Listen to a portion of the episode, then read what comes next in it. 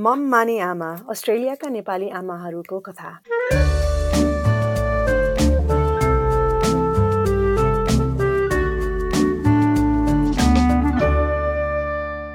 नमस्कार यो मम माने आमा अस्ट्रेलियाका नेपाली आमाहरूको कथा यो पोडकास्ट श्रृङ्खलामा स्वागत छ। म सुनिता पोखरेल रहेको छु र शिखा बस्नेत पनि हुनुहुन्छ होइन? म आफै आमा। म चाहिँ अब सुरुमा परिचय दिनु पर्दाखेरि चाहिँ मेरो छोरी छोरी छ। ऊ चाहिँ ट्वेन्टी ट्वेन्टीको जुलाईमा जन्मेको र अब अहिले त्यही सेभेन्टिन मन्थ्स कम्प्लिट गरिसकेको छ। त्यही त म चाहिँ सिका म चाहिँ यहाँ मेलबर्नमा बेस्ड हो होइन? सुनिता जस्तै म पनि आमा हो मेरो चाहिँ दुइटा किड्सहरू छ। जेठो चाहिँ छोरी हो ऊ चाहिँ टु थाउजन्ड सिक्सटिनमा जन्मेको सो भनेपछि पाँच वर्ष लाग्यो। ऊ चाहिँ प्रेप प्रेप अथवा प्रि स्कुलर हो उसको स्कुल स्टार्ट हुँदैछ नेक्स्ट इयरबाट र अर्को मेरो सेकेन्ड किड चाहिँ सिक्स मन्थ्सको छोरा छ। त्यही हो जगल भइरहेछ युज चाहिँ हुँदैछ फेरि रिलर्न गर्दैछु होइन पहिलाको एक्सपिरियन्स सरी अलिअलि ब्याकग्राउन्डमा बच्चाको आवाज एँ गरेको आइरह होला अब त्यही हो। मम मम भाने माने आमाको जगल्सहरू यस्तो पनि छोरालाई हेर्दै म घरबाट गरिरहेको हुनाले सो त्यो त्यो त्यो ब्याकग्राउन्ड नोइजलाई चाहिँ लाइक हुन्छ नि हटाउन सकिएन। हटाउन सकिएन सरी अँ त्यही त अब अब यो पोडकास्टमा हामीले भने जस्तै अब यही मदरहुड एक्सपिरियन्सको चाहिँ अब मातृत्वको अनुभव जुन रहेको छ त्यो चाहिँ सुरुबाट अब त्यही प्लानिङ फेजबाटै कुरा गर्दाखेरि अब मेरो चाहिँ एकदमै वेल प्लान्ड हो होइन। अनि अलिकति सोचे भन्दा अलि अलिकति ढिलो भएको केस थियो मेरो। तिम्रो तिम्रो त्यस्तो रहेछ है? मेरो चाहिँ फेरि एकदम अनप्लान दुइटै बेबी कसै कसैलाई सुनाउनु पऱ्यो भने दुइटै बेबी अनप्लान भन्दाखेरि आफै आफै अचम्मित हुन्छु है। त्यही भएर मलाई यो प्लान प्लानको बारेमा चाहिँ त्यति साह्रो थाहा छैन कि? लाइक हुन्छ नि लामै पनि प्रोसेस हुन सक्ने रहेछ यसो मान्छेहरूसँग कुराहरू गर्दाखेरि आफूलाई त्यस्तो एक्सपिरियन्स भयो है। तर मेरो चाहिँ त्यही दुइटै अनप्लान भएको हुनाले इट वाज लाइक अ सक अथवा सरप्राइज भनौँ न। मेरो चाहिँ त्यस्तो एक्सपिरियन्स थियो है दुइटै बच्चा। सो त्यही त मेरो चाहिँ अब बोस बच्चाहरू प्लान नभए पनि होइन तर अब त्यो प्लानिङ गर्ने हो भने चाहिँ के के कुराहरू कन्सिडर गर्नुपर्ने रहेछ भनेर हामीले चाहिँ डक्टर साहबसँग नि कुरा गरेको थियौँ। एक्सपर्टको एडभाइस यसमा के छ एक्चुली सुनौँ न त।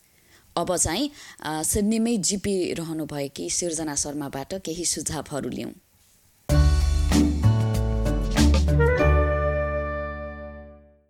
सिर्जना चाहिँ अब कसैले बच्चा प्लान गर्दै हुनुहुन्छ होइन? अनि अब त्यसरी बच्चा प्लान गरिरहँदाखेरि चाहिँ अब सामान्यतया तपाईँहरू अब स्वास्थ्यका दृष्टिकोणले के कस्ता कुराहरू चाहिँ सुझाव दिनुहुन्छ होइन? प्लानिङ गरिरहँदाखेरिको त्यो समयमा। प्रि कन्सेप्सन एडभाइस भनिन्छ यसलाई चाहिँ अब तपाईँले प्लान गर्नु भएको छ सोच्नु भएको छ कि अब हामी फ्यामिली स्टार्ट गर्ने भने चाहिँ जेनरली एज अ डक्टर हामीले एडभाइस चाहिँ एटलिस्ट तिन महिना अगाडि चाहिँ जिपीकोमा गएर एउटा अपोइन्टमेन्ट लिएर चाहिने र गर्नुपर्ने कुराहरू सबै गर्ने जस्तो टेस्टहरू गर्नुपर्ने हुनसक्छ। एडभाइसहरू इभन इन्सुरेन्सको बारेमा एडभाइसहरू जुन गर्नुपर्ने टेस्टहरू कुनै इन्जेक्सन्सहरू लाउनुपर्ने हुनसक्छ त्यो टेस्टको रिपोर्टले र अर्को फोलिक एसिड सप्लिमेन्ट यो पनि हामीले एकदम इन्करेज गर्छौँ। र प्रि प्रिनेटल भाइटामिन्सहरू यिनीहरूको बारेमा चाहिँ सल्लाह लिनको लागि यो प्रिनेटल भिजिट्सहरू एकदम इम्पोर्टेन्ट हुन्छ एटलिस्ट तिन महिना अगाडि डक्टरकोमा। अब प्रेग्नेन्सीको बेला भनेको त अब एकदमै धेरै अब जिपीकोमा पनि जानुपर्ने त्यस्तै अस्पतालहरूको भिजिट पनि धेरै हुने गर्ने यो टाइममा चाहिँ अब खर्चको पनि कुरा आउँछ होइन? अब यस्तो बेलामा चाहिँ अलिकति इन्सुरेन्सको बारेमा पनि प्लानिङ फेजदेखि नै बुझ्नुपर्छ भन्ने गरिन्छ। अब यो चाहिँ किन होइन? अनि प्राइभेट इन्सुरेन्स र अब मेडिकेयर मात्रमा भर पर्दाखेरिको यो दुई बिचको फरक चाहिँ के हो? के छ? डिफ्रेन्स के छ? केयर दिनेमा केही डिफ्रेन्स हुन्छ कि हुँदैन? त्यसको बारेमा पनि बुझाइदिनु न। अब यो एन्टिनेटल केयरमा चाहिँ अब अरू बेलामा भन्दा चाहिँ डिफ्रेन्ट हुन्छ यो केयर किनभने तपाईँको यो बेलामा चाहिँ अपोइन्टमेन्टहरू हुन्छ होइन। तपाईँले डक्टरलाई घरिघरि देखाउनु पर्ने हुन्छ हरेक महिनामा जानुपर्ने हुन्छ अठाइस हप्तासम्म अठाइसदेखि छ छत्तिस हप्तामा दुई दुई हप्तामा र छत्तिसदेखि डेलिभर नगरेसम्म एक एक हप्तामा। सो अपोइन्टमेन्टको हिसाबले त धेरैचोटि डक्टर कहाँ जानुहुन्छ नि? अरू बेलामा भन्दा अरू बेलामा त केही भयो भने मात्र। सो यो एन्टिनेटल भिजिट्सहरूको लागि चाहिँ यो केयरको हिसाबले अस्ट्रेलियामा चाहिँ दुईवटा सिस्टम छ पब्लिक र प्राइभेट सिस्टम प्राइभेट भनेको चाहिँ तपाईँले एउटा स्पेसलिस्ट अब्सटिटिसियन जो चाहिँ स्पेसलिस्ट हुनुहुन्छ उहाँकामा बुक गरेर उहाँलाई नै देखाउने एकजना डक्टरलाई उहाँलाई नै देखाउने र उहाँले नै डेलिभर गर्ने सबै प्रेग्नेन्सीको केयर उहाँकै जिम्मामा हुन्छ।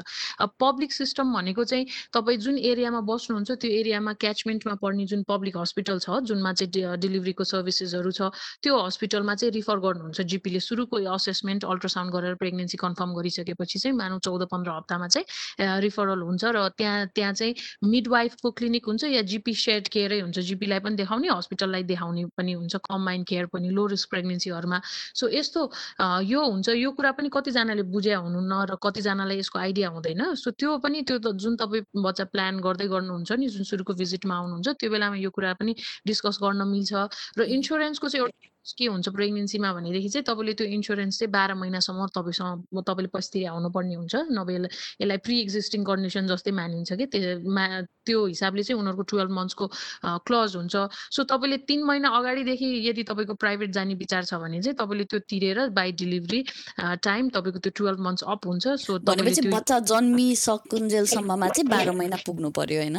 किनभने तपाईँले यदि अब अफकोर्स अफोर्ड गर्न सक्नुहुन्छ भने तर हामीले त जेनरल कुरा गरिरहेछौँ नि यो हिसाबमा चाहिँ तपाईँको यदि तपाईँले त्यसरी प्लान गर्नुभयो भने कस्टको हिसाबमा धेरै सेभ हुन्छ। किनभने हस्पिटल स्टेदेखि लिएर अब्सटिटिसियनको कति फिसम्म चाहिँ एक्स्ट्रा कस्ट स्टिल लाग्छ तैपनि धेरै कभर हुन्छ। तर बाई डेलिभरी तपाईँले टु टुवेल्भ महिनासम्म चाहिँ तपाईँको इन्सुरेन्स प्रेग्नेन्सीको लागि कभर भएको हुनुपर्छ। त्यही भएर त्यो चाहिँ तपाईँले आफूले बच्चा कन्सिभ हुनुभन्दा तिन महिना अगाडिदेखि नै प्लान गर्नु पऱ्यो नि। सो यो प्लानिङ स्टेटकै बेलामा हो।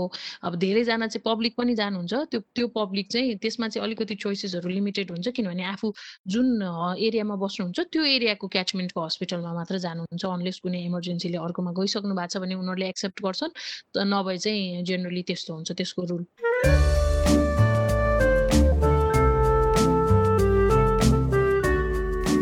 पी सिर्जना शर्माबाट यी सुझावहरू सुनिहाल्नु भयो तर उहाँले दिएको सुझावहरू चाहिँ एकदमै सामान्य प्रकारका हुन्। आफ्नो अवस्था सुहाउँदो सुझाव लिनको लागि चाहिँ आफ्नै जिपीलाई भेट्न हामी आग्रह गर्छौँ होइन? र यति भन्दै चाहिँ अब सिका अब हाम्रै अनुभव बाँड्ने क्रमलाई जारी गरौँ होइन? त्यही अब तिमीले अब बच्चा कन्सिभ भएछ भनेर थाहा पाउँदाखेरि कस्तो भयो? खुसी भयो कि ला भन्ने चाहिँ बढी भयो? के भयो के भयो जस्तो भयो कि त्यही फर्स्टमा छोरी कन्सिभ हुँदाखेरि चाहिँ मेरो नाइन विक्स पछि मात्रै थाहा भएको मलाई। एकदम टायर्ड जस्तो हुने होइन? केही मलाई त्यस्तो भमिटिङहरू त्यो त्यस्तो केही पनि भएन मोर्निङ सिकनेस भएको थिएन तर एकदम टायर्ड हुने। अनि त्यसपछि मेरो चाहिँ इन्ट्रेस्टिङ छ त्यो एक्सपिरियन्स चाहिँ। अनि मसँग चाहिँ ओके म एकचोटि प्रेग्नेन्सी टेस्ट गर्नु पर्यो त्यो होम टेस्ट हुन्छ नि। त्यो गर्नु पर्यो भनेर के अरे प्रेग्नेन्सी टेस्ट गरेँ अनि पोजिटिभ आयो। पोजिटिभ आउँदाखेरि ला अब के हो के भने यस्तो फर्काएर हेरेको त त्यो त लाइक तिन चार वर्ष अगाडि एक्सपायर भइसकेको रहेछ क्या त्यो टेस्ट गर्ने चाहिँ। म चाहिँ अब ल पोजिटिभ हो कि होइन यो एक्सपायर भइसकेको रहेछ के गरौँ के गरौँ भयो। सो मैले बुढालाई पनि केही भनेन। सिधै जिपीलाई फोन गरेर यस्तो यस्तो भयो। मैले होम प्रेग्नेन्सी टेस्ट लिएको त्यसमा पोजिटिभ आयो भनेपछि उनीहरूले चाहिँ के भन्यो भने तर मैले एक्सपायर भएको चाहिँ कुरा गरेन। अनि चाहिँ त्यो प्रिटी एक्युरेट हुन्छ। त्यही पनि तिमीलाई अब डबल चेक गर्न मन छ भने चाहिँ आऊ भनेर भन्यो। अनि त्यहाँ गएर त्यो युरिन टेस्ट गरेपछि त्यहाँ पनि पोजिटिभ आयो। सो त्यस्तो थियो मेरो एक्सपिरियन्स चाहिँ। अनि इट वाज रियली म त के गरौँ के गरौँ भयो। सो अनि बुढालाई फोन गरेर भने पनि सक है दुवैजना एकछिन लाग्यो कि अब के ओके अब जन्मा जन्माउने होइन त ल जन्माउने त होला नि भनेर। त्यसरी त्यसरी मुभ फोर्वर्ड भएको थियो। त्यही त। म चाहिँ मैले चाहिँ अलिकति अब मेन्टली हुन्छ नि प्रिपेयर्ड अब त्यही त हो नि होइन। बिहा गरेको अलि लामै टाइम भइसकेको थियो छ सात वर्ष भइसकेको। अनि अब हुन्छ नि अब अब त बेला भयो होला हौ भनेर घरबाट पनि भन्न थालेपछि चाहिँ अनि अनि म पनि आफू पनि प्रिपेयर्ड भइसकेको थिएँ। ल ठिकै छ अब अरू कुरा भनेको कहिले पनि एकदमै हुन्छ नि फुल्ली प्रिपेयर्ड त कहिले पनि हुँदैन होला। जहिले पनि केही न केही काम यो सिद्ध्याएर अनि त्यसपछि हुने जस्तो हुन्छ भनेर ल ठिकै छ अब चाहिँ म रेडी नै छु जस्तो लाग्यो अनि प्लान गर्न थालेको तर मेरो चाहिँ जुन पिरियड छ त्यो चाहिँ कहिले पनि एकदमै इरेगुलर के? कहिले पनि ठ्याक्क टाइममा नहुने अनि मलाई कहिले थाहा पनि नहुने म त्यो ट्र्याक पनि गर्दिनँ थिएँ होइन? अनि यो चाहिँ मेरो पहिलादेखिकै समस्या मैले दुई तिनचोटि डक्टरहरूलाई देखाउँदाखेरि पनि अब एकदमै हुन्छ नि अब यो अहिले भर्खरै देखिएको हो भनेदेखि चाहिँ अलिकति प्रब्लमेटिक हुनसक्छ होइन। तर पहिलादेखि नै त्यस्तै कन्डिसन हो भनेदेखि खासै त्यसले केही असर नपार्ला भनेर उनीहरूले कुरा गरेपछि चाहिँ ल ठिकै छ भनेर सोचेको थिएँ होइन। अनि भरे अब प्लान गरेँ। अब त्यही तिमीले भन्यौ नि होइन अब कति धेरै अब टाइम कुर्नु पर्दो रहेछ। ए जतिखेर पनि त कन्सिभ त हुँदैन। अनि त्यसपछि त्यही ओभल्युसन टाइमहरू थाहा पाउन पनि एकदमै गाह्रो त्यो ट्र्याक गर्नलाई किनभने मेरो इरेगुलर पिरियड अनि त्यसपछि इभन त्यो एप ट्र्याक गर्ने एप पनि कन्फ्युज तेरो चाहिँ हुन्छ नि यो त एकदमै धेरै टाढा गइसक्यो। अब चेक यो सिम्टम्स भन्छ के? सिम्टम्स नो सिम्टम्स चेक गर्दाखेरि केही पनि देखेन त्यही अनि प्लानिङ गरेको गुगल गर्ने त्यो एप चाहिँ? मलाई चाहिँ त्यही भने यो यो केही थाहा छैन यो एप एप स्टोरमै पाइन्छ। अब हुन त थुप्रै खालको हुन्छ क्यारे होइन? अनि मैले चाहिँ त्यो मात्रै एउटा गरेको थिएँ। अनि त्यसमा चाहिँ ठ्याक्क त्यो आफ्नो पिरियड भएको टाइम राख्ने होइन? त्यो अनि त्यसपछि अनि साइकल कति लामो हुन्छ भनेर राख्ने। अनि त्यसपछि अनि पछि उनीहरूले चाहिँ अब त्यो हुन्छ नि आफ्नो ओभल्युसन एनालाइसिस गर्छ कि त्यो टाइम फ्रेमलाई अनि त्यसपछि योदेखि यो पिरियडमा चाहिँ high chances of getting pregnant भनेर भनिदिन्छ कि। अनि त्यसपछि अँ अनि त्यो हुन्थ्यो तर मेरोमा चाहिँ एकदमै कन्फ्युज एपै कन्फ्युज भयो त्यो त्यो कुनै त्यो चान्सै थिएन कि। भएपछि त उनीहरूले एनालाइसिसै गर्न सकेन क्या। इरेगुलर पिरियड जहिले पछाडि जाने अनि त्यसपछि ठ्याक्क त्यो एक महिना भएपछि चाहिँ आश लाग्ने। अनि त्यसपछि दुई दिन पर जाने बित्तिकै चेक गरेँ ओ माई गड मैले त त्यो प्रेग्नेन्सी टेस्ट त्यो किटहरू कति फ्यालेँ कति गरेँ कति गरेँ होइन। अनि त्यो चाहिँ एकदमै स्ट्रेसफुल हुन्छ नि हामीले चाहिँ एउटा एक्सपिरियन्स यहीँ सिद्धिमा बस्ने एकजना सरजु देउसाले चाहिँ उहाँले चाहिँ त्यही आफ्नो त्यो प्लान्ट प्रेग्नेन्सी र अनप्लान्ट प्रेग्नेन्सीमा कस्तो डिफ्रेन्स छ भनेर उहाँले चाहिँ एक्सपिरियन्स सेयर गर्नुभएको छ। उहाँको एक्सपिरियन्स एकचोटि सुनौँ अनि त्यसपछि फेरि यो कुराकानीलाई जारी राखौँला।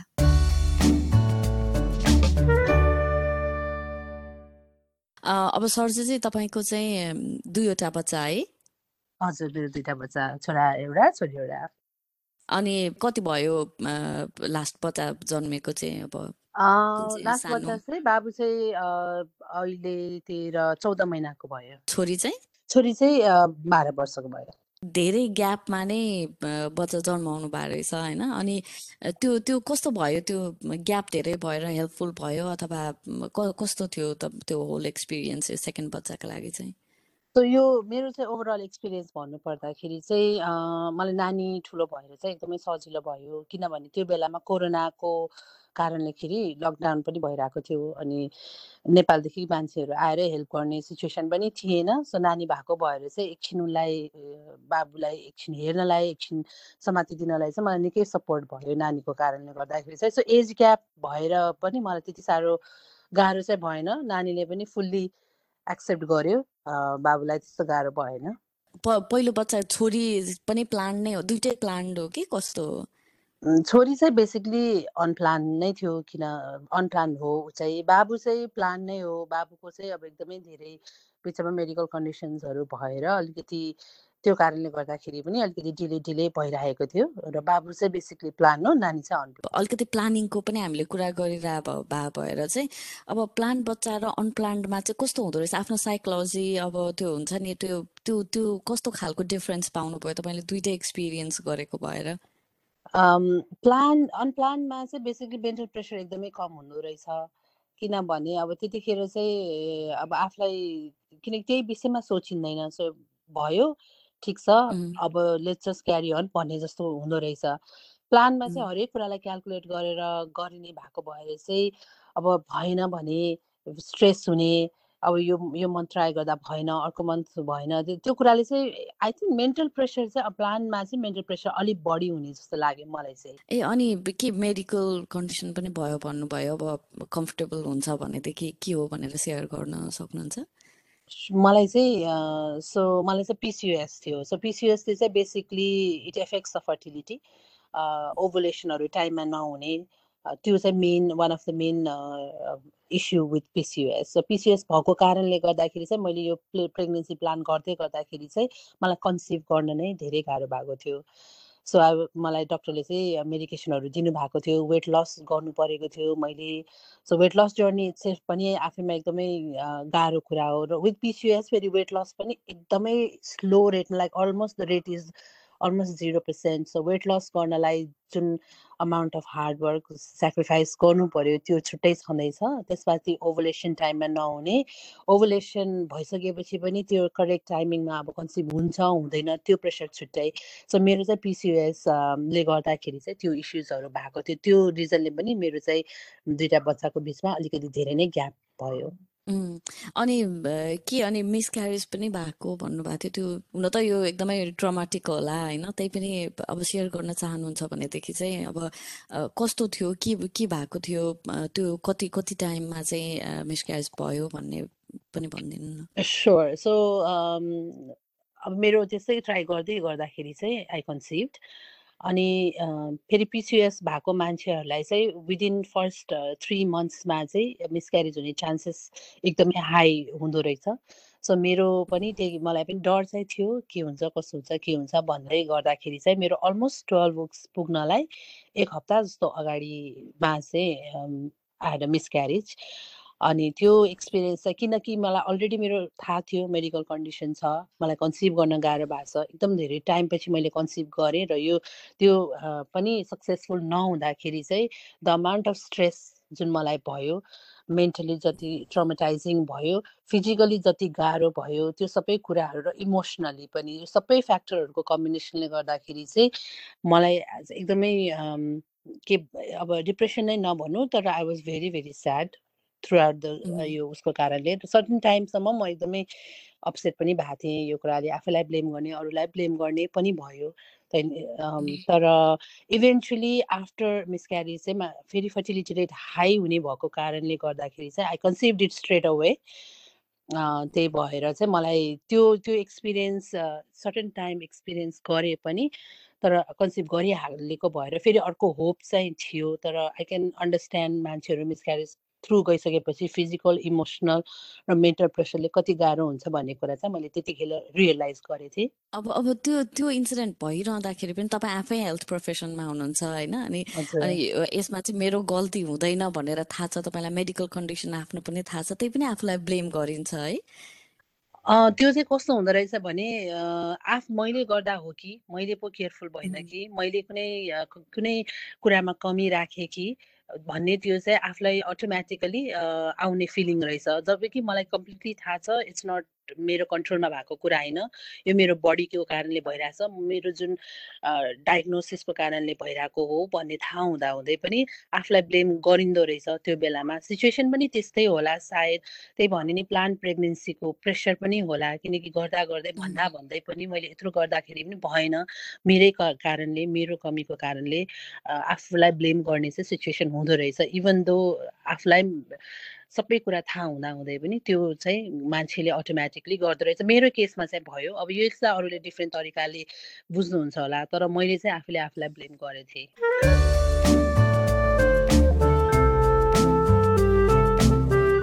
सिडनीमा नर्स रहनुभएकी सर्जो देउतासँगको यो कुराकानी पछि अब फेरि पनि सिका हाम्रै अनुभवलाई अब कन्टिन्यू गरौँ न त। त्यही त अनि त्यही मैले फर्स्टको त एक्सपिरियन्स सुनाइहालेँ होइन? सुनिता त सो मेरो सेकेन्डको चाहिँ कस्तो थियो भन्दाखेरि त्यही फेरि अनप्लान तर अलिकति के डिफ्रेन्ट भयो भन्दाखेरि सेकेन्डको चाहिँ धेरै अगाडि थाहा भयो क्या कस्तो अचो खोइ आएर न त्यो अहिले सोच्दाखेरि साइकिक भएको कि के जस्तो लाग्छ क्या म सपनामा देखेँ कि म प्रेग्नेन्ट भएको होइन? प्रेग्नेन्सी टेस्ट गरेको त एकदम सानो एकदम फेन्ट लाइन आयो के? अनि त्यसपछि अनि ल अब प्रेग्नेन्ट हो कि होइन? अब मैले बुढालाई चाहिँ भनेँ अनि उसले चाहिँ ओके ठिकै छ नि त। ए हो ल अब त्यसो भए फाइभ सिक्स विक्स जस्तो कुरौँ न त अनि त्यसपछि फेरि प्रेग्नेन्सी टेस्ट गरौँ भनेर भन्यो उसले। अनि त्यसपछि मैले five weeks six five six weeks कुर्नै सकेन क्या लाइक थ्री विक्स पछि कस्तो मनै कस्तो ऊ भयो नि त एकचोटि गरिहाल्छु भनेर फेरि किनेर लिएर आएर प्रेग्नेन्सी टेस्ट गरेँ अनि त्यसमा चाहिँ के अरे अलि त्यो हुन्छ नि कन्फर्म लाइन नै एकदम क्लियर लाइन आयो दुइटै। अनि त्यही दुइटा प्रेग्नेन्सीमा चाहिँ त्यो डिफरेन्स चाहिँ एउटा चाहिँ अलमोस्ट त्यो फर्स्ट ट्राइमेस्टर ओभर नै भइसकेको थियो होइन? सो सेकेन्डमा चाहिँ त्यही एकदम अर्ली भएको हुनाले मलाई त्यही भएर पनि त्यो होल प्रेग्नेन्सी जर्नी नै कत्रो लामो लागे जस्तो फिल भएको किनभने दुई तिन हप्तामै थाहा भयो नि त। अनि त्यसपछि त्यस्तो एक्सपिरियन्स चाहिँ भएको थियो अनि त्यही त यही त्यही त होइन तर अब होइन अब बच्चा अब हुन त अब कतिजना प्रिपेयर्ड नभएको टाइममा बच्चा भयो भनेदेखि अब अलिकति त्यो त्यसले मेन्टल स्ट्रेस पनि ल्याउला होइन। अब केही केही कुरा अब अलिकति प्लान भन्दाखेरि फेरि अनप्लान्डमा ला मैले त सोचेको पनि थिइनँ भने जस्तो हुन्छ नि त।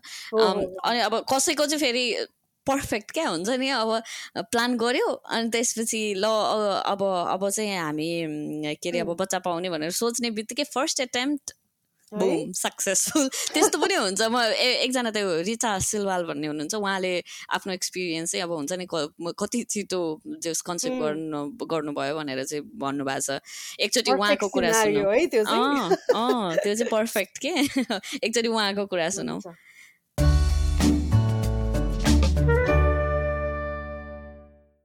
मेरो चाहिँ के हो भन्दाखेरि हाम्रो चाहिँ प्लान नै बेबी हो। पहिलो कुरा चाहिँ अब हामीले पढाइ सिद्धिने बित्तिकै अब दुई चार महिना काम गर्ने त्यसपछि बेबी प्लान गरिहाल्ने भन्ने प्लान थियो। तर जसले पनि अब म ठ्याक्कै तिस वर्ष लागेको थिएँ मैले प्लान गर्दाखेरि। अब मान्छेहरूले मलाई घरबाट पनि अब एउटा प्रेसर आएको थियो। अब इन्फर्टिलिटी हुने चान्स हुन्छ बच्चाहरू बस्न गाह्रो हुन्छ र अहिलेदेखि प्लान गऱ्यो भने कम्तीमा नै छ सात महिना लाग्छ भन्ने भयो। तर हामीले फर्स्ट प्लान गर्ने बित्तिकै फर्स्ट प्लानमा नै हाम्रो बेबी कन्सिभ भएको हो। प्लानिङ गर्ने भनिरहँदाखेरि केही त्यो एक्टिभिटिजहरू भनौँ अथवा त्यो सप्लिमेन्टहरू केही लिनुभयो मेडिकेसनहरू केही गर्नुभयो त्यो प्लानिङको टाइममा? मैले चाहिँ अब अब हेल्दी लिभिङ भनेर पहिल्यैदेखि नै अब अब सर्टेन एज भएपछि इन्फर्टिलिटी हुन्छ भोलि वेट गेन भयो भने भोलि बच्चाहरू बस्नु हुँदैन बस्न सक्दैन भनेर पहिला स्टडी टाइमदेखि नै आफ्नो हेल्थ चाहिँ मेन्टेन गरिराखेको थिएँ। अनि पहिला टु थाउजन्ड फिफ्टिनदेखि नै मैले सप्लिमेन्ट्स अब फिस ओइलहरू चाहिँ खान्थेँ होइन। त्योभन्दा बाहेक चाहिँ अब प्रि प्रेग्नेन्सी चाहिँ अब प्रि प्रेग्नेन्सी एलिभेटहरू खाएँ। त्यस त्यो चाहिँ मल्टिभाइटामिनहरू। त्यसले त्यसले गर्दा पनि अब बच्चाहरू कन्सिभ हुन चाँडै भयो जस्तो लाग्छ मलाई।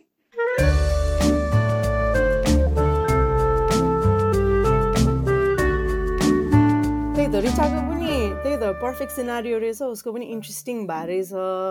त्यसरी नै कुरा गर्दाखेरि मैले चाहिँ मेरो एकजना साथी होइन रत्ना महर्जन उसँग कुरा गरेको थिएँ। उसको चाहिँ त्यही त उसँग कुरा गरेपछि मलाई रियलाइजेसन भयो क्या अब हुन्छ नि कति कति प्लानिङ चाहिँदो रहेछ अथवा हुन्छ नि बिच बिचमा त्यो रियालिटी एक्सपेक्टेसन भर्सेस रियालिटी क्या हुन्छ नि अब एक्सपेक्ट एउटा गरिन्छ होला। अनि हामी सबैजना आमाहरूको एक्सपिरियन्सेस कति डिफ्रेन्ट के? हुन्छ नि प्रेग्नेन्सीको के?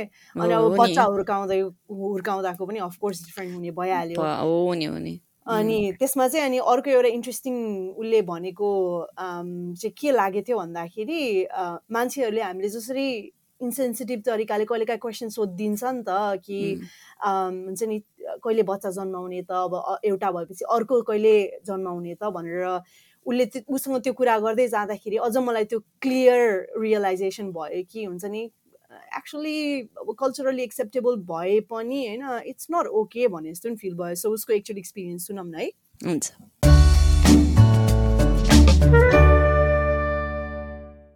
मेरो चाहिँ मेरो नाम रत्ना महर्जन हो। मेरो चाहिँ दुइटा किड छ एउटा सिक्स एन्ड हाफ नियरली अनि छोरी अनि छोरा चाहिँ चार वर्ष भयो जस लास्ट विक लास्ट विक चार वर्ष कम्प्लिट भयो। सो या हामी चाहिँ आज चाहिँ त्यही प्रेग्नेन्सी प्लानिङको बारेमा कुरा गरौँ भनेर एक्सपेक्टेसन कस्तो थियो होइन? अनि रियालिटी कस्तो भयो त्यो बारेमा भनिदेऊ न मलाई। मेरो एक्सपेक्टेसन भर्सेस रियालिटी कुरा गर्दाखेरि चाहिँ मैले चाहिँ सुरुमा चाहिँ प्रेग्नेन्सी भनेको त एकदम इजी जस्तो हामीले अब मुभीहरूमा हेर्छ नि अब त्यो एकैछिनमा प्रेग्नेन्ट भयो बच्चा भयो अब त्यस्तो हार्ड पार्ट होला कम्प्लिकेसन होला भन्ने चाहिँ त्यस्तो सोचाइ नै थिएन। तर when it's come to me myself होइन त्यो मैले चाहिँ धेरै कुराहरू चाहिँ थाहा भयो। त्यसपछि चाहिँ अब म्यारिड भयो। म्यारिड भएपछि अब सर्टेन इयर्स चाहिँ हामीले सेटलमेन्ट हुनुपर्छ। सेटलमेन्ट आफ्नो लागि नै गर्नुपर्छ भनेर छुट्यायो। अनि त्यसपछि चाहिँ अब it's time to have a family होइन? अब हाम्रो कल्चरली पनि अब बच्चा जन्माउनुपर्छ यस्तो यस्तो त्योभन्दा पनि हामी नै मेन्टली प्रिपेयर भएर अब चाहिँ we ready to have family भनेर एउटा चाहिँ एउटा टाइममा हामी पुग्दाखेरि चाहिँ मैले चाहिँ कस्तो सोचेको थिएँ भने स्टार्ट गर्न बित्तिकै दुई तिन महिनामा चाहिँ ह्याभ प्रेग युल कन्सिभ इजिली भने सोचेको थिएँ। तर त्यस्तो हुँदैन रहेछ होइन? हरेक हरेक महिना चाहिँ जब त्यो प्रेग्नेन्सी हुँदाखेरि चाहिँ पिरियड हुँदाखेरि चाहिँ यु फिल डिसपोइन्टेड होइन? अनि त्यसपछि चाहिँ केही महिना चाहिँ त्यसरी नै बित्यो। त्यसपछि साथीहरूको सल्लाहले चाहिँ डक्टरकोमा जानुपर्छ। भन्ने एउटा सजेसनहरू आयो। त्यसपछि डक्टरकोमा जाँदाखेरि जिपीकोमा चाहिँ जिपीले चाहिँ के सजेस्ट गरेको थियो भने you have to wait at least eight months to one year त्यसपछि पनि भएन भने चाहिँ के इन्फर्टिलिटी उसमा चाहिँ पठाइदिँदो रहेछ क्या हस्पिटलमा मेरो केसमा पनि त्यस्तो भयो। मैले चाहिँ सोचेको थिएँ अब मेरो चाहिँ के त्यस्तो केही प्रब्लम थिएन मेरो पिरियडहरूदेखि लिएर। मलाई चाहिँ फास्टमा चाहिँ के पनि पेट दुख्ने लिएर के पनि प्रब्लम थिएन। चाहिँ मैले चाहिँ ए अलिकति पनि सोचेको थिएन कि मलाई त्यस्तो कम्प्लिकेसन होला भनेर। अनि मलाई चाहिँ हस्पिटलमा इन्फर्टिलिटी वार्डमा ओपिडीमा पठायो अनि हरेक उनीहरूले वान मन्थ त्यस्तोमा चाहिँ अपोइन्टमेन्ट हुन्थ्यो। अनि डक्टरसँग कन्सल्ट भयो। अनि विभिन्न टेस्टहरू भयो। अब जस्तै मेलको स्ममदेखि लिएर वुमेन्सको एगदेखि ओभरीदेखि लिएर सबै कुरा अल्ट्रासाउन्डदेखि लिएर सबै कुरा टेस्ट भयो होइन अनि त्यो गर्दाखेरि सबै कुरा नर्मल आयो। तर अझ पनि मोर देन इयर भइसक्यो। कन्सिभ हुन गाह्रो भयो होइन? अनि त्यसपछि डक्टरले फर्दर के गर्ने भन्दाखेरि चाहिँ ल्याप्रोस्कोपी डिसी भन्दो रहेछ। त्यो एउटा सानो डे सर्जरी गर्ने सजेसन दिनुभयो होइन डक्टरले। अनि त्यसपछि हामी त्यसमा गयौँ अनि सर्जरी भयो। अनि सर्जरी भएपछि चाहिँ रिपोर्ट आउँदाखेरि चाहिँ डक्टरले के भन्यो भने यो ट्युब इज ब्लक्ड होइन। सो नर्मल प्रेग्नेन्सी चाहिँ इम्पोसिबल छ। So you have to be IVF भन्यो त्यतिखेर चाहिँ मेरो आँखाबाट चाहिँ अटोमेटिक यति आँसु आयो कि होइन? मैले आफैले फिलै गरेको छैन त्यो आँसु बगेर त्यो मलाई चाहिँ डक्टरले चाहिँ टिस्यु पास गरेको मलाई आज पनि याद आउँछ होइन? अनि त्यो चाहिँ एकदमै अनएक्सपेक्टेड थियो। मैले चाहिँ त्यस्तो कम्प्लिकेसन होला म मलाई चाहिँ त्यस्तो होला भनेर चाहिँ सोचेकै थिएन। अनि हामीले चाहिँ एउटा त्यतिखेर चाहिँ सर्टेन एमाउन्ट चाहिँ अब हामी चाहिँ घर किन्ने भनेर एउटा चाहिँ अमाउन्ट जम्मा गरिसकेको थियो होइन। अनि त्यसपछि आइबिएफ गर्नलाई त पैसा लाग्छ एकचोटि गरेर हुँदैन। त्यो विभिन्न कुराहरू थाहा भयो त्यसपछि चाहिँ। अनि मेरो पनि अलिकति युट्रेस चाहिँ अलिकति डिफ्रेन्ट नर्मल वुमेन्सहरूको भन्दा अलिकति डिफ्रेन्ट रहेछ किनभने नर्मली हाम्रो चाहिँ युट्रेस दुईवटा पार्ट हुन्छ अरे होइन? दुईवटा ट्युब दुईवटा पार्ट हुन्छ। अनि सबै कुरा दुईवटा हुन्छ तर मेरो केसमा चाहिँ हाफ हाफ मात्रै। आधा चाहिँ totally blocked for some reason होइन? अनि मेरो चाहिँ एउटा मात्रै ट्युब एउटा मात्रै साइड मात्रै हुँदाखेरि त्यो एउटा साइड पनि ब्लक हुँदाखेरि I have like almost impossible क्या? ओभरिसहरू एग्सहरू चाहिँ थ्याङ्कफुल्ली चाहिँ राम्रो थियो। तर सबभन्दा मेन नै ट्युब नै ब्लक भएपछि अलिकति इम्पोसिबल जस्तो भयो नर्मलको लागि चाहिँ। तर डक्टरले चाहिँ एउटा होप चाहिँ के दिन दिएको थियो भने यो eggs are fine so IVF गर्दा चाहिँ पोसिबिलिटिजहरू छ। सो चाहिँ तिमीले त्यही वरि गर्नु पर्दैन भने। अनि त्यस त्यो घटनाबाट चाहिँ अलिकति एक दुई दिन चाहिँ एकदमै गाह्रो भयो होइन। अनि त्यहाँदेखि चाहिँ मैले कस्तो रियलाइज गरेँ भने प्रेग्नेन्सी कन्सिभ गर्नु भनेको चाहिँ it's not a easy thing होइन। अनि कति मान्छेहरूले चाहिँ त्यो ट्राई गर्दा गर्दा पनि नहुने रहेछ। अब हाम्रो कल्चरली प्रेसरमा तिम्रो अहिलेसम्म बच्चा भएको छैन तिम्रो बिहा गरेको कति वर्ष भयो? इभन एउटा भएपछि अर्को पाउने बेला भएको छैन होइन? त्यो एउटा कल्चरै हाम्रो चाहिँ त्यस्तो क्वेसन सोध्ने त्यो त्यसले त्यो क्वेसनले चाहिँ अर्को वुमेन्सलाई चाहिँ कति हर्ट गर्दो रहेछ भन्ने कुरा चाहिँ म आफैले भोगेँ क्या किन रियलाइजेसनै छैन मान्छेहरूलाई क्वेसन गर्दाखेरि है? त्यही त युजली वुमेन तिमीले तिमीले फाइन गर्दाखेरि चाहिँ युजली यस्तो कमेन्ट गर्नेहरू चाहिँ प्रायः जस्तो वुमेनहरू नै हुन्थ्यो होला कि? कस्तो थियो तिम्रो एक्सपिरियन्स प्रायः त यो वुमेन नै हो स्पेसली नेपालबाट अब आमाहरू भयो होइन? आमाहरूलाई पनि अरूहरूले प्रेसर के? अब तिम्रो छोरी कहिलेसम्म बेबी भएछन् भनेर आमाहरूले बुझे पनि आमाहरूलाई चाहिँ अरूहरूले प्रेसर के? अब छिमेकीहरूदेखि लिएर फुफूहरू मामा माइजू माइजूहरू स्पेसली वुमेनै हुन्छ। ओ मेन्स पनि हुन्छ होला तर मेन्सहरू अलिकति यस्तो कुराहरूमा अलिकति कुरा गर्न रुचाउँदैन नेपालमा त। तर यहाँ अस्ट्रेलिया आएर पनि एजुकेटेड भएर पनि त्यस्तो भन्ने मान्छेहरू चाहिँ थुप्रै नै छन् क्या। अर्को कहिले जन्माउने अथवा दुइटा भयो भने तेस्रो कहिले जन्माउने? अभियसली होइन अब मान्छेहरूको एउटा चाहिँ आफ्नै चोइस हुन्छ अब कसैको बच्चा नै जन्माउँदिन भन्ने पनि होला। होइन अब कसैको एउटा मात्रै गर्छु म दुइटा अफोर्ड गर्न सक्दिनँ भन्ने होला कसैको कन्डिसन के होला होइन। तर त्यो विभिन्न कन्डिसन हुँदाखेरि पनि अब इभन अब मैले पनि त्यसरी चाहिँ सोच्दिनँ थिएँ के अब मलाई मलाई नै थाहा छ कि अब म पनि त्यही कल्चरमा हुर्केँ म पनि त्यसरी नै म अरूलाई क्वेसन सोच्थेँ होइन। तर आफ्टर द्याट मलाई त्यो पढेपछि चाहिँ त्यो कति हट मलाई हुँदो रहेछ भन्ने कुरा चाहिँ मैले बुझेर त्यहाँदेखि चाहिँ मैले कसैलाई पनि त्यसरी क्वेसन सोधिनँ क्या। अनि गोइङ ब्याक होइन तिम्रो त्यो प्लानिङको कुरा गर्दाखेरि चाहिँ जब तिमीले त्यो डक्टरसँग कुराहरू गर्न थाल्यो कति ओभरवेल्मिङ भएको थियो होला क्या तिमीलाई त्यति बेला त्यो इन्फर्मेसन किनभने तिमीले भने जस्तै एक्सपेक्टेसन त इजिली कन्सिभ होला भन्ने थियो तर रियालिटीमा चाहिँ टाइम लागिरहेको थियो यो यो यो यो गर्नुपर्छ। कसरी ट्र्याक गर्यो कि सबै यो पछि यो यो गर्नु छ भनेर?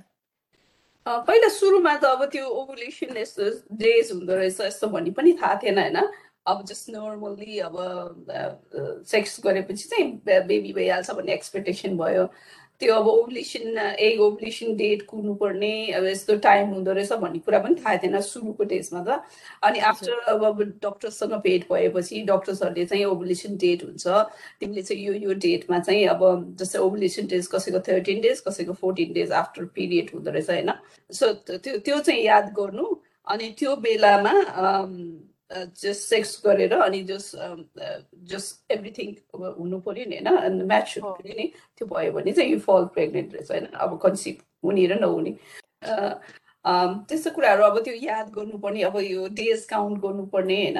अनि त्यसपछि अब पिरियड आउन लाग्यो भने चाहिँ पिरियड क्रस भयो भने एक दुई दिन क्रस हुँदाखेरि कहिले काहीँ पिरियड ढिला हुन्छ नि? एक दुई दिन क्रस हुँदाखेरि ओ ल प्रेग्नेन्ट भयो भनेर खुसी हुने तर त्यो फेरि कहिले काहीँ दुई दिन ढिला भएर फेरि प्रेग्नेन्ट हुँदाखेरि फेरि त्यो डिसपोइन्ट हुने होइन। डिसपोइन्टेड जस्तो अलिकति स्याड थियो होइन तर मेरो हस्बेन्डले चाहिँ मलाई एकदम कम्फोर्ट गराएर अनि त्यतिखेर चाहिँ हामीले एउटा अब चाहिँ हामी घर किन्ने भनेर एउटा सेभिङ्स गर्न स्टार्ट गरेको थियो अनि त्यसपछि त्यो क्यालकुलेसन गर्दाखेरि त्यो कस्टहरू क्यालकुलेसन गर्दाखेरि चाहिँ मलाई चाहिँ ल म मैले चाहिँ मेरो घर गर्ने भन्ने एउटा सपना पनि जाने भयो। किनभने त्यो पैसा त आइबिएफमा जाने भयो होइन? त्यसरी पनि अर्को एउटा पनि प्रेसर थियो। अनि त्यही पनि ठिकै छ अब घर भनेको पछि हुन्छ पहिला फ्यामिली नै फोकस गरौँ भन्ने हिसाबमा गयौँ। अनि त्यसपछि एउटा मेरो एकजना साथी भनौँ न फ्यामिली फ्रेन्ड होइन उहाँ चाहिँ नर्स हुनुहुन्छ अनि उहाँले चाहिँ धेरै सपोर्ट गर्नुभयो सपोर्ट गर्नुभएको थियो क्या त्यतिखेर। त्यतिखेर तिमीलाई चाहिँ अब आइबिएफ गर्दाखेरि पनि इमोसनली फाइनेन्सियली तिमी कति रेडी हुनुपर्छ होइन? अब कामहरू पनि कति गर्नुपर्छ आफ्नो फिजिकल्ली मेन्टली भन्ने कुराहरू अलिकति हेड्सअप जस्तो पनि दिनुभएको थियो। त्यो चाहिँ एकदमै I'm thankful for her as well होइन? अब त्यो जहिले पनि केही भयो भने ऊ त एज अ हेल्थ प्रोफेसनल भएको भएर पनि उसले चाहिँ जहिले पनि यस्तो है भनेर एउटा हेल्प गर्ने होइन? दिनहरू त्यसरी नै भइरहेको थियो। अब फर्दर कसरी जाने भन्ने प्लानिङमा त्यतिखेर दुई महिना कि कति महिना भएको थियो होइन? अनि अनि एउटा मिराकल जस्तै भयो क्या? प्रेग्नेन्ट भयो क्या? एउटा बिलिभ नै भएन त्यतिखेर हो कि होइन हुन्छ नि? अब डक्टरले त हुँदैन भने थियो अनि तर त्यो एउटा अलिकति सपना जस्तो पनि भयो तर चेक गर्न जाँदाखेरि चाहिँ प्रेग्नेन्ट भन्यो होइन। त्यसपछि त्यतिखेर चाहिँ अलिकति डेभलपमेन्ट राम्रो भएन अनि म चाहिँ रेस्टमा बस्नु पऱ्यो बसेँ म एक महिना जति रेस्टमा बसेँ तर अनफर्चुनेटली बेबी चाहिँ ग्रो भएन होइन। डक्टरले भन्दाखेरि इज नट ग्रोइङ भन्यो। अनि पछि चाहिँ एक्सिडेन्टली एक दिन चाहिँ ब्लिडिङ भयो। त्यतिखेर ब्लिडिङ भएर अनि म त एकदम डराएँ अनि तुरुन्त डक्टरकोमा गएर अल्ट्रासाउन्ड गर्दाखेरि उनीहरूले चाहिँ अब डिक्लेयर गर्यो कि होइन मिसक्यारेज भनेपछि त्यो फर्स्टमा विदिन अ वान मन्थमा जस्तो एउटा एउटा खुसी आए पनि अनि गयो पनि भने जस्तो चाहिँ एउटा फेरि डिसपोइन्टेड त्यो दुई दिनसम्म चाहिँ दुई दिनसम्म रोएँ क्या त्यो। त्यो मिसक्यारेज भयो अनि त्यसपछि मेरो चाहिँ अपोइन्टमेन्ट थियो। त्यहाँ एभ्री थ्री मन्थ्समा चाहिँ उसले अपोइन्टमेन्ट राखेको थियो त्यो डक्टरले अनि अपोइन्टमेन्टमा गएँ म अपोइन्टमेन्टमा गएँ। अपोइन्टमेन्टमा गएपछि डक्टरले आई वाज प्रेग्नेन्ट भन्दाखेरि doctor she was very happy के होइन? अनि बट होइन मैले भने बट मिसक्यारेज भयो भनेर। अन्त तर इभन दो मिसक्यारेज भयो होइन? अनि उसले चाहिँ भने कि इभन मिसक्यारेज भयो तर तिमीले चाहिँ नर्मली कन्सिभ गर्न सक्दो रहेछ so that's the good news keep on going भनेर चाहिँ डक्टरले चाहिँ एकदमै त्यो एउटा पोजिटिभ फिडब्याक दिएको थियो त्यतिखेर त्यतिखेर चाहिँ त्यो मिसक्यारेज भएको दुःख चाहिँ मैले खुसी भयो त्यहाँबाट निस्किँदाखेरि चाहिँ एउटा खुसी एउटा होप लिएर निस्केको थिएँ अनि त्यसको अर्को महिना त there was good news good news त्यही त अनि त्यो मिसक्यारेजको जुन भयो नि त्यसपछि तिमीले चाहिँ केही प्रोफेसनल तिम्रो मेन्टल वेलबिङको लागि आई क्यान इमेजिन कति गाह्रो भएको थियो होला भनेर होइन? अनि त्यति बेला केही सपोर्ट सिक गरे कि गरेन प्रोफेसनल्ली कि साथी अथवा फ्यामिलीको सपोर्टले पुग्यो? त्यतिखेर त अब यस्तो केही सपोर्ट हुन्छ त्यस्तो भनेको त हामीलाई त्यो नलेज नै भएन। अब त्यही फ्यामिली सपोर्ट नै भन्नु पऱ्यो अब पार्टनरको सपोर्ट त मोस्ट मोस्ट नै लाग्छ मलाई किनभने अब पार्टनर भनेको त सधैँ अब अगाडि हुने कुरा हो। उसले चाहिँ इमोसनल र के भन्छ सबै कुरामा सपोर्ट गरेन भने त I think it's very hard होइन?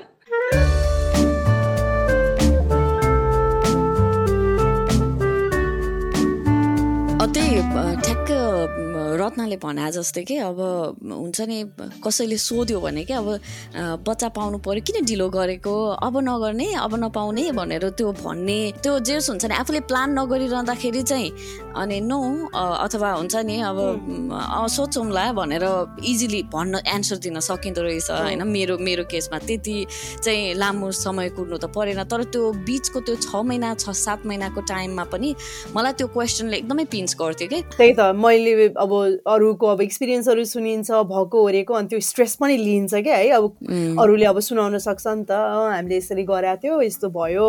भन्दाखेरि मेरो चाहिँ किन भइरहेको छैन हामीले त ट्राई गरिरहेछौँ हो त्यो आई क्यान इमेजिन त्यो प्रेसर के त्यही अब आजको एक्सपिरियन्स सेयरिङ त रमाइलो भयो है? अब जे हुन्छ धेरै कुरा थाहा पाउन पाइयो। अब डिफ्रेन्ट डिफ्रेन्ट कन्डिसन हुन्छ। सबैको आफआफ्नो किसिमको अनुभवहरू हुन्छ। अब यो सबै एज अ होल हुन्छ नि सुरुदेखि अन्त्यसम्म यो प्रेग्नेन्सी मदरहुडको यो यो जर्नीमा चाहिँ सबैको आफ्नै अनुभव हुन्छ।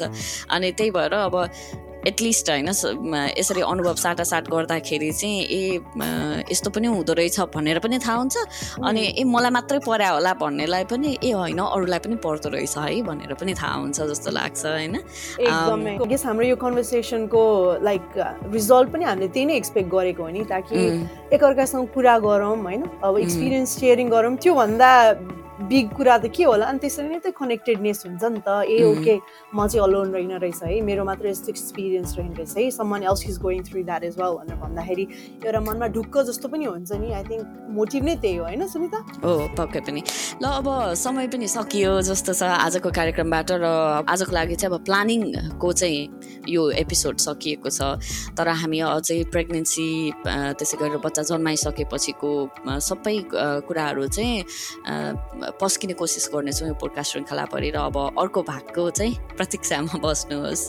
एकदमै this is just the start यो चाहिँ एउटा होइन थालनी मात्रै हो।